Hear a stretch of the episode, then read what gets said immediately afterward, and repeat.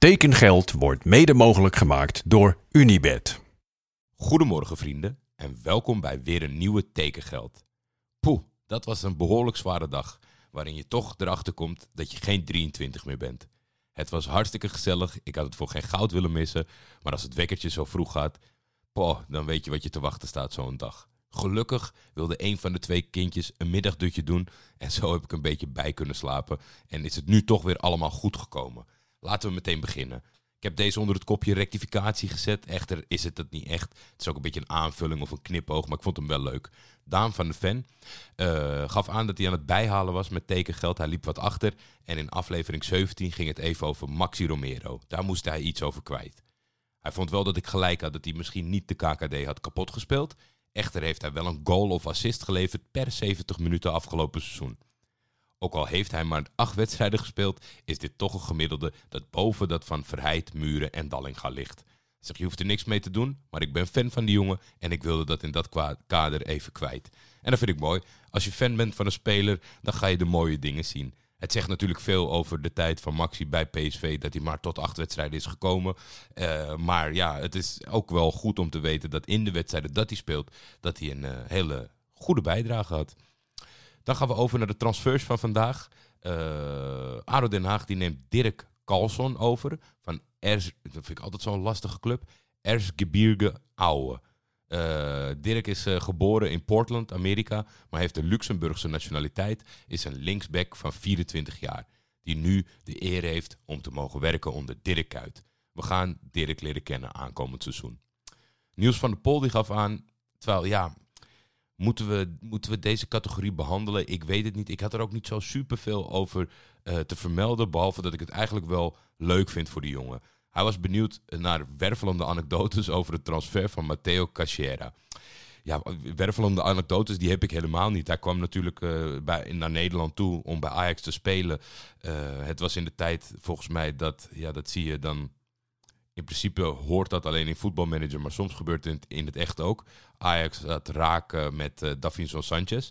En dan kan de gedachte wel eens ontstaan dat je dan binnen die nationaliteit of binnen die competitie moet blijven scouten. Daar kwamen nog een aantal andere spelers uh, uit de Colombiaanse hoek. Matteo was er één van. Kwam tekort voor het eerste, had het ook moeilijk bij het tweede. Uiteindelijk via Groningen nog geprobeerd. Het werd allemaal niks. Toen uh, kwam hij in Portugal terecht bij Belenenses. En daar in het tweede seizoen ging het een beetje lopen. Ik weet ook nog wel dat ik af en toe een doelpunt voorbij zag komen op Twitter. En uh, in zijn tweede seizoen maakte hij tien doelpunten. Dat was opgevallen in Rusland en toen vertrok hij naar FK Sochi. Bij Sochi heeft hij die lijn doorgetrokken en nu is hij beloond met een transfer naar, ja, echt waar, Zenit Sint-Petersburg. Kleine aankoop, ik denk dat het een breedte aankoop voor ze is, 4,5 miljoen maar. Uh, maar het is toch mooi, ja, soms is ook gewoon een speler wel getalenteerd, maar is het geen match met een club of een land waar hij terechtkomt. En zo zie je maar dat uh, het heeft toch zin om het te blijven proberen. Dus dat Groningen nog iets wilde proberen met ze. Dat Bellenenses, ondanks die periode in Nederland, dacht van wij gokken het nog. Nou ja, het heeft uh, zo aan de dijk gezet. Een mooie transfer voor Matteo. Dan is Melle Meulensteen van RKC vertrokken naar Vitesse. En als het RKC betreft, dan vraag ik niemand minder dan Chris Tempelman om de Vitesse supporters te vertellen wat zij mogen verwachten van Melle. Ja, Melle Meulensteen naar Vitesse. Uh, een logische aankoop van Vitesse eigenlijk. Hè? Los van het feit dat je je af kan vragen waar Vitesse het geld vandaan had om aankopen te doen. Maar als je puur even voetbal inhoudelijk kijkt, dan is Melle Meulensteen natuurlijk wel een van de interessante centrale verdedigers uh, in de Eredivisie van afgelopen seizoen. Voormalige middenvelder, hè? dus wat dat betreft ook goed aan de bal. Comfortabel aan de bal. Heeft een mooie, strakke, lange bal. Kan mee naar voren, is gevaarlijk bij corners. Uh, staat ook verdedigend tegenwoordig zijn mannetje. Heeft bij RKC ook in een, uh, in een systeem met drie of drie centrale verdedigers of vijf verdedigers gespeeld, hè, hoe je het ook wil noemen. Bij RKC noemen ze het dan drie omdat de twee backs hoog staan. Maar het is wel vergelijkbaar met het systeem waar we Vitesse onder Ledge ook mee speelt. Ik denk dat Meulensteen de nieuwe leider van de, van de defensie in Arnhem moet worden. Uh, ze zijn natuurlijk nog op zoek naar meer spelers. Er zijn nogal wat spelers weggegaan. Uh, Daza, Bazoer, Doekie, Rasmussen, allemaal niet meer terug in Arnhem. Dus ze moeten daar nogal wat doen. Ze hebben die, die rechtsback uit Haiti, hebben ze, Arcous hebben ze al gehaald. Nu Meulensteen de tweede. Ja, ik vind het wel een hele slimme, goede aankoop. Ik moet heel eerlijk zeggen dat ik een paar maanden geleden... toen hadden we ergens een discussie over Meulensteen. Waar zou hij naartoe kunnen?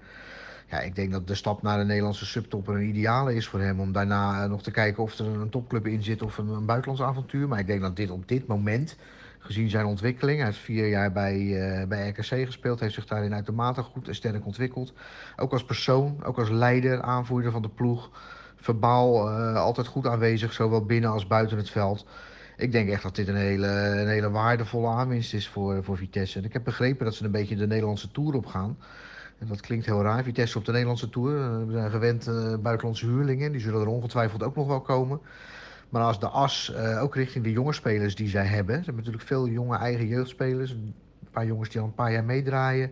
Nu bij het begin van het seizoen ook weer een mannetje of vijf die, die meetrainen. Ik denk dat voor dat soort spelers ook belangrijk is om, om Nederlandse spelers te hebben die je kunnen coachen, die je kunnen helpen. Dus wat dat betreft uh, denk ik dat Vitesse een uitermate goede zaak doet met het halen van Melle Meulensteen. En ja, ze moeten er een miljoen euro voor betalen. En uh, ik denk dat we maar eens een apart, een apart stukje moeten maken over hoe ze aan dat geld komen. Maar het heeft natuurlijk alles te maken met dat er een overname aan zit te komen. Het nieuws van van de week dat de schulden kwijt zijn gescholden speelt mee. Dat zorgt er voor veel positiviteit. Vitesse gaat ongetwijfeld weer in andere handen vallen, want er is al een intentieovereenkomst met een nieuwe koper. Dat gaat nog wel even duren, maar ik denk wel dat dat op de achtergrond meespeelt uh, in het feit dat ze dit soort transfers ook weer kunnen doen. Dus uh, ja, Melle Meulensteen bij Vitesse, ik verwacht er wel wat van, moet ik heel eerlijk zeggen. Een beetje afhankelijk van wat er nog om hem heen komt te staan. Maar ik kan me voorstellen dat Vitesse er erg gelukkig mee is. Dus we gaan het zien. Nou, dat is volgens mij ontzettend hoopvol voor de Vitesse supporters. Het is een mooi verhaal van Chris. Hij ziet het talent. Uh, vond het ook een, een logische stap die Melle kon maken. Ik moet zeggen dat hij denk ik bij het grote publiek een beetje onder de radar is gebleven. Dan zie je ook weer dat de voetballiefhebbers toch in eerste instantie naar hun eigen club kijken en anders naar topduels. Dat je dan gewoon uh, bij RKC ja, niet super goed opvalt. Maar met alle middelen en scoutingsapparaten tegenwoordig blijft het voor voetbalclubs niet onopgemerkt. Was er nog een transfer? Ahmed Touba, die gaat van RKC naar Başakşehir. En als je RKC zegt, zeg je Chris Tempelman. Dus daar komt hij weer. Ja, en zo verliest RKC nog een tweede verdediger. Want ook uh, Ahmed Touba die is, is vertrokken. Die is naar de Turkse club. Uh, Spor. Ik zal het wel verkeerd uitspreken, maar dat kan jij veel beter. Ploeg die Europees speelt. Dat was al de verwachting dat Touba weg zou gaan natuurlijk. Hè. Beide verdedigers, beide centrale verdedigers bij RKC stonden volop in de belangstelling. Meulensteen en Touba. Ik heb het idee dat de zaakwaarnemer van Touba heel goed werk gedaan heeft. Want die heeft allerlei clubs laten vallen die, die geïnteresseerd zouden zijn in hem. Uh, ja, het is een Algerijns international. Hè. Hij heeft uh, al verschillende interlands gespeeld voor Algerije. Hij heeft zich echt ontwikkeld. We hadden hem opgepikt in België toen, uh, toen RKC hem, hem aantrok. Hij heeft zich echt ontwikkeld tot een goede verdediger. Ook iemand die volgens mij in de subtop in Nederland mee zou kunnen. Denk aan AZ, Vitesse, Utrecht, dat soort ploegen.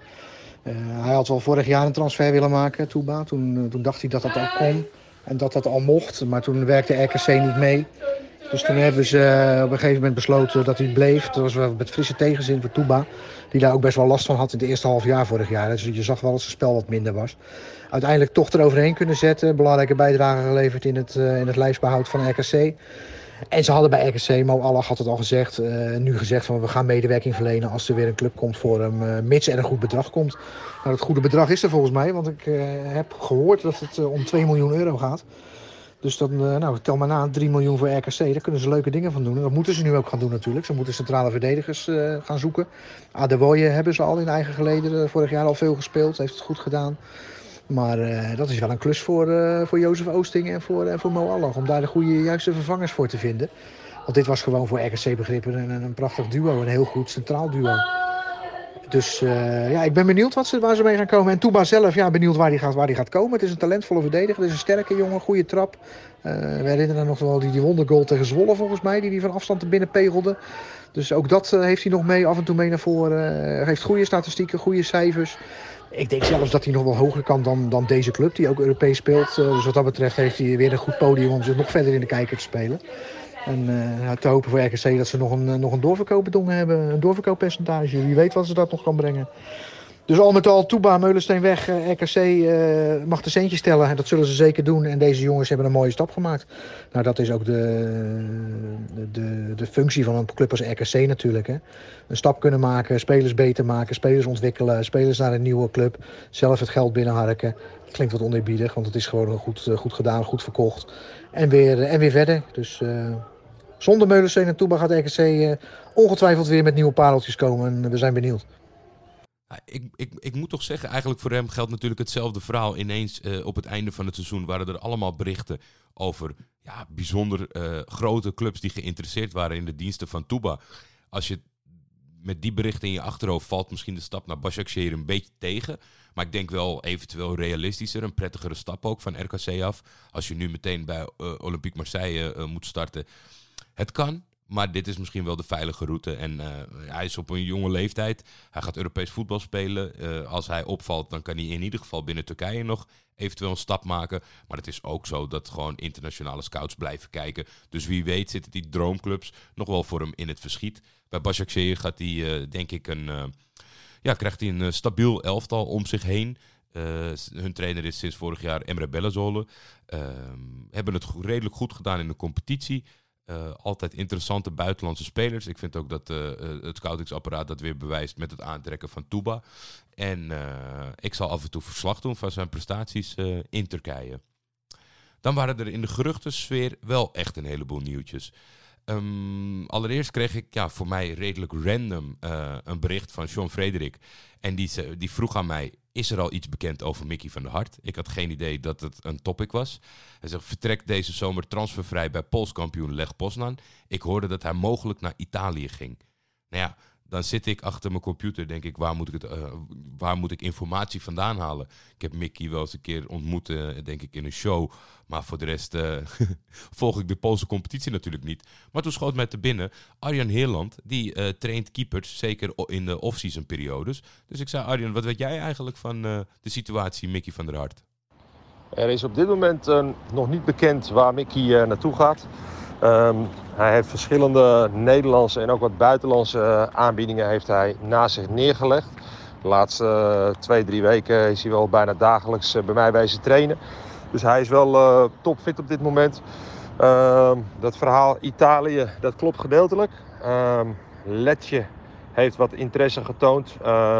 is niet daarna heel snel concreet geworden is wel opgepakt in de Italiaanse media die het al uh, uitgebreid gebracht hadden. Maar dat is uh, absoluut nog niet aan de orde. Dus uh, op dit moment is het nog niet bekend waar Mickey volgend jaar zal gaan keepen. Nou, dan is het toch fijn dat je gewoon via een vriend weer helemaal op de hoogte raakt van Mickey van der Hart. Dus Sean, ik hoop dat je tevreden bent met de informatie van Arjan Heerland. Um, Oldenzaler Thijs Veldhuis verhuist van AZ naar NAC. NAC huurt Veldhuis in eerste instantie, maar heeft wel een optie tot koop bedongen. Veldhuis is afkomstig van FC Twente. In 2019 maakte hij de overstap naar AZ, omdat hij bij, de, bij die club meer perspectief zag. In Alkmaar bleef de doorbraak uit, speelde hij vooral bij Jong AZ. Nou, dan zou je denken, waarom zit het in de geruchtenhoek en niet in de transfershoek? Dat komt omdat ik dit bericht, ik werd onder dit bericht getagd. Uh, op Twitter had Chris geschreven, waar Blanco nog een slag om de arm houdt, zijn ze bij de Telegraaf en Tubantia een stuk zekerder van hun zaak. En aangezien moeder Veldhuis Nak al is gaan volgen op Instagram, heb ik er ook wel vertrouwen in. Dus hij is nog niet bekendgemaakt door NAC of AZ. Maar ja, ik moet het eens zijn. Dit is weer een, eh, een mama keulert toch wel aardig dat de moeder van spelers een, een bron aan het vormen zijn voor mensen die op jacht zijn voor primeurs rondom hun club. Dat vond ik wel leuk. Dan het volgende dubbelzinnige bericht wat dat betreft. Officieel bevestigd de Braziliaan Savinho. Uh, al, al dagen, weken gaat het volgens mij op VI over de komst van Savi naar PSV. Eh, maar hij joint de Citigroup team uh, voor 6 miljoen, 6,5 miljoen en 6 miljoen aan bonussen.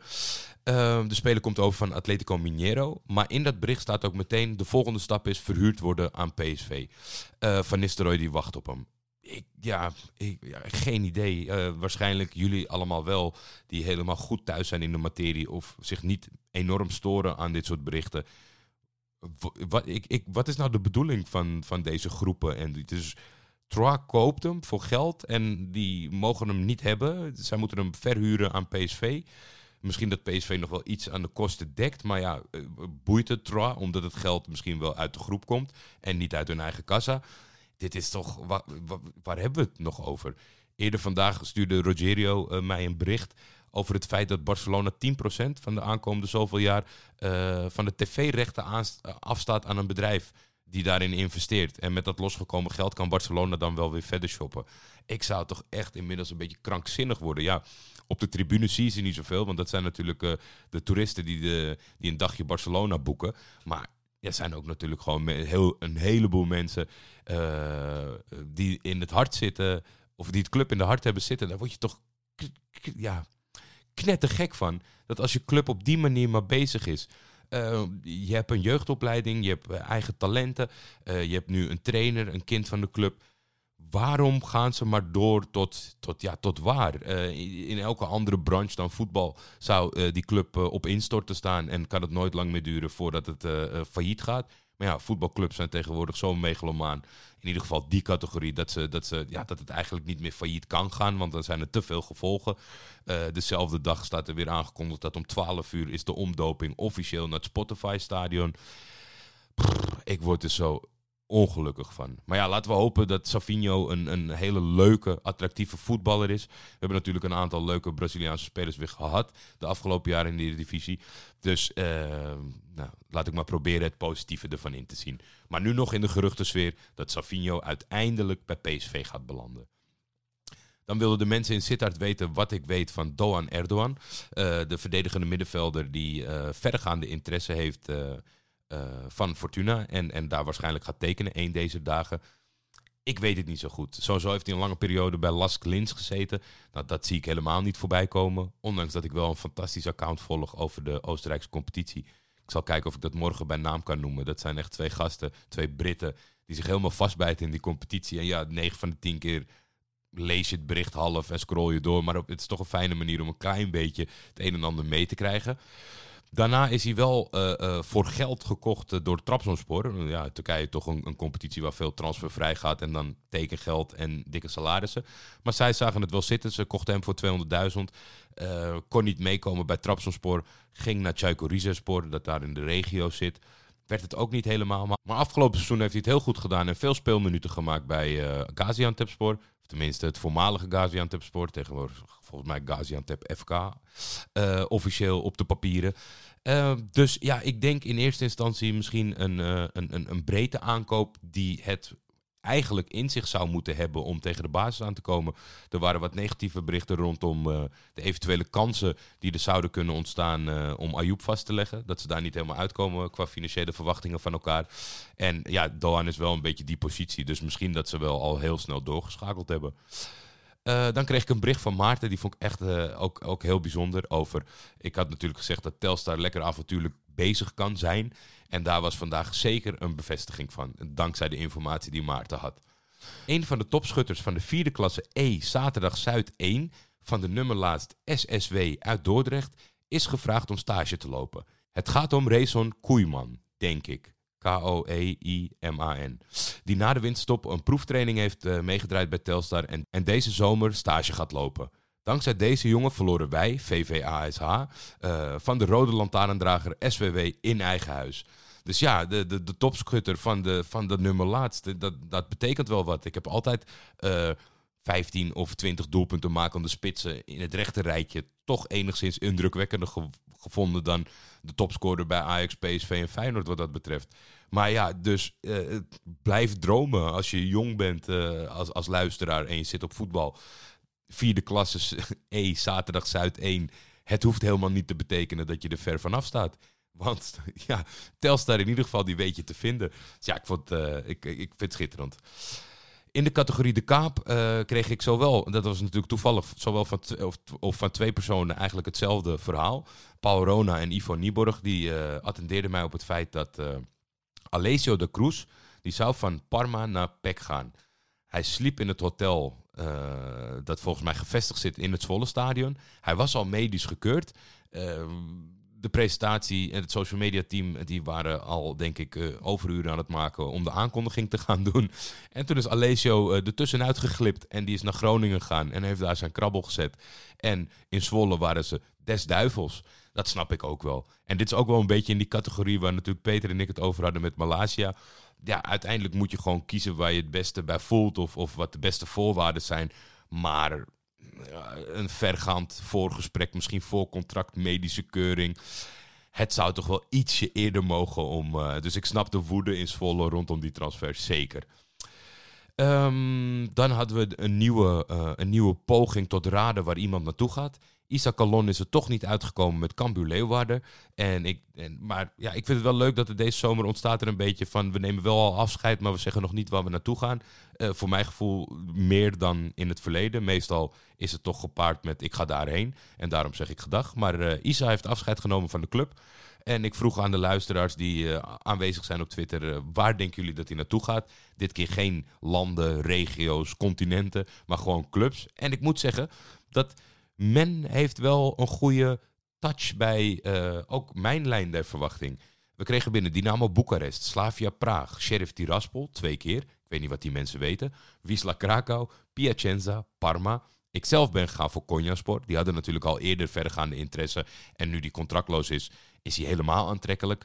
Aris Thessaloniki, Ludo Gorets vond ik ook heel goed. FC Voluntari, dat vond ik leuk, want ik denk dat hij is blijven hangen bij de luisteraar. Omdat iemand die van de week gekocht werd ook daar had gespeeld. Twente, dat lijkt me niet helemaal, maar wie weet. Dynamo Zagreb, Greuter Vuurt, Future FC uit Egypte en Kasım Pasha. Ja, ik denk dat Turkije sowieso een, eh, een goede poging is om uh, die kant op te gaan. Uh, we houden het in de gaten en op het moment dat het bekend wordt gemaakt, dan gaan we kijken of iemand doorgaat voor de koelkast. In de categorie Xandro Schenk trofee. Stanley Wijnen stuurde mij een bericht en ik denk, ja, het is meer iets om nog even de aankomende dagen in de gaten te houden. Het, lag wel in lijn met uh, een verhaal dat eerder door Kel was ingestuurd. Natuurlijk hoe Willian zich had misdragen. Hij, zou, hij wilde naar Chelsea, maar Chelsea kwam er niet. En ja, toen hij eigenlijk binnen al was bij Spurs, heeft hij toch nog voor elkaar gekregen om op het laatste moment uh, de interesse los te weken bij Chelsea. En is hij daar naartoe gegaan. En dat vonden ze bij Spurs natuurlijk niet leuk. Nou staat eigenlijk een beetje hetzelfde te gebeuren. Want de afgelopen dagen ging het over Richarlison, Richarlison, Richarlison. En vanuit Amsterdam werd er natuurlijk met extra interesse die kant op gekeken. Omdat ineens kwam het bericht ook dat Spurs waarschijnlijk Bergwijn bij de deal wilde betrekken. Nou, alles in kannen en kruiken. Niet helemaal duidelijk of Bergwijn er nou wel of niet bij betrokken zou worden. Maar Richarlison volgend jaar bij Spurs. En dan is dat vandaag ineens Chelsea's attempt to hijack. Chelsea die heeft gewoon gezegd, wij matchen het bot, uh, zeg het maar. En dat is toch wel ja, een vervelende handelswijze. Ik vind het op zich uh, goed om te zien dat uh, Chelsea weer actief is wat dat betreft op de markt. Dat het gedeelte van afgelopen seizoen natuurlijk met, met hun voormalige eigenaar, dat dat nu van ze, dat, dat ze nu niet meer belemmert wat dat betreft. Maar dus absoluut iets om in de gaten te houden de aankomende dagen. Ik denk, ja, in de voetballerij wisselt er zoveel. Maar ja, de, de, de eigenaar van Spurs is natuurlijk nog steeds wel hetzelfde. Dus ik denk echt wel dat er een paar mensen bij Spurs goed pist of zijn over dit bericht. Uh, iets wat eigenlijk hier helemaal niet mee te maken heeft. Maar we hebben het natuurlijk gehad over uh, uh, wie koopt wanneer iemand. Wie blijft er als laatste over. Hoeveel hebben clubs al gekocht. En ja, uh, Jimmy Dries haalt het wel eens aan op Twitter. Uh, Turkije is natuurlijk wel een soort uh, prachtig land met betrekking tot transferbeleid.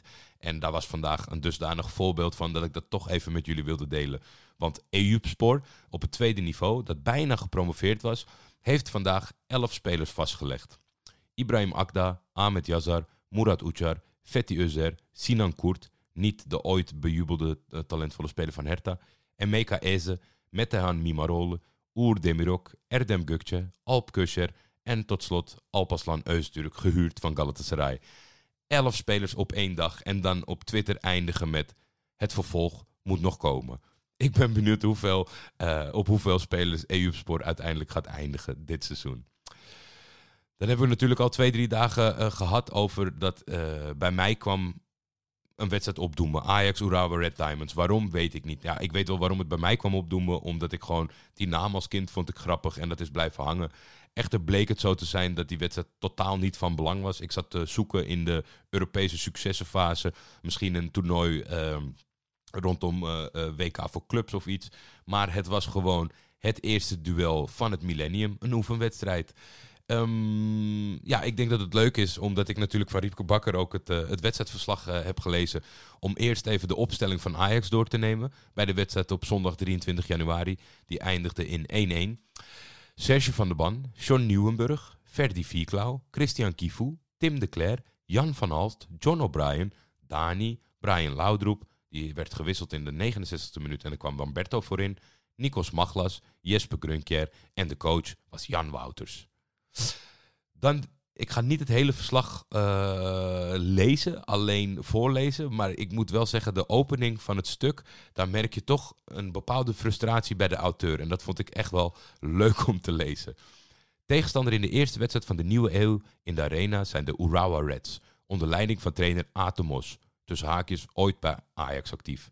Het afgelopen jaar gedegradeerd uit de J-League, de hoogste divisie in het Japanse voetbal. Bekendste naam bij de Japanners is voormalig Barcelona-speler Aitor Begoristain. En ook Zelko Petrovic zien we niet voor het eerst. Speelde niet lang geleden voor PSV en FC Den Bosch. Ferdi Vierklauw is bij ontstentenis van zowel de door de griep gevelde Winter als de geblesseerde Verlaat en Grim deze keer aanvoerder. Die begint met een tactische blunder. Als hij na de tos het doel mag kiezen, kiest hij dat aan de stadskant, terwijl Ajax al sinds mensenheugenis de eerste helft stad uitspeelt. ja, ik denk, lekker belangrijk. En, maar ja, de rest van het verslag is ook echt hoe erbarmelijk het is. Maglas wordt echt helemaal met de grond gelijk gemaakt. En dit is het officiële jaarboek van Ajax. En uh, ja, het was natuurlijk onder Jan Wouters niet de beste tijd. Later zouden ze ook nog spelen tegen Chongqing Longqing. Die wedstrijd wordt verloren door Ajax met 3-2. Ehm, de doelpuntenmakers, Ajax komt snel op uh, 0-2 voor, twee keer Dani. En in de tweede helft is het Willems die drie keer scoort voor de Chinezen. Maar ja, zo is dat, uh, dat haakje ook afgesloten. Um, dan zijn we er wel voor vandaag. Ik hoop dat het uh, in lijn de verwachting is. De, de, de stap van anderhalf uur naar vijf minuten was natuurlijk heel groot. En ik kon niet op uh, evenveel waardering van iedereen rekenen. Maar ja, jongens, soms loopt het zo. Het is een gigantische commitment. Het is nu op mijn klokje net 1 juli. Dus ik moet nog twee maanden. Dus gun mij af en toe ook een dagje met iets minder verhalen dan jullie zouden willen hebben. Tekengeld is een Schietvogeltje Media original. Voor commerciële vragen en of samenwerkingen kun je mailen naar schietvogeltjemedia.gmail.com.